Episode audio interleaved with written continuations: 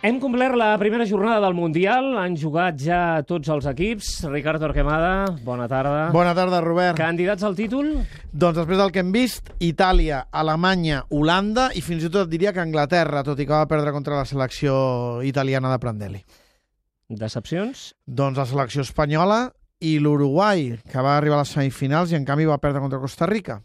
Revelacions? Mira, es confirmen Colòmbia i Bèlgica, que assumeixen la seva condició, fallen per mi Bòsnia i el Japó i apareixen, atenció, Mèxic i Costa Rica. Pronòstic a l'Espanya-Xile?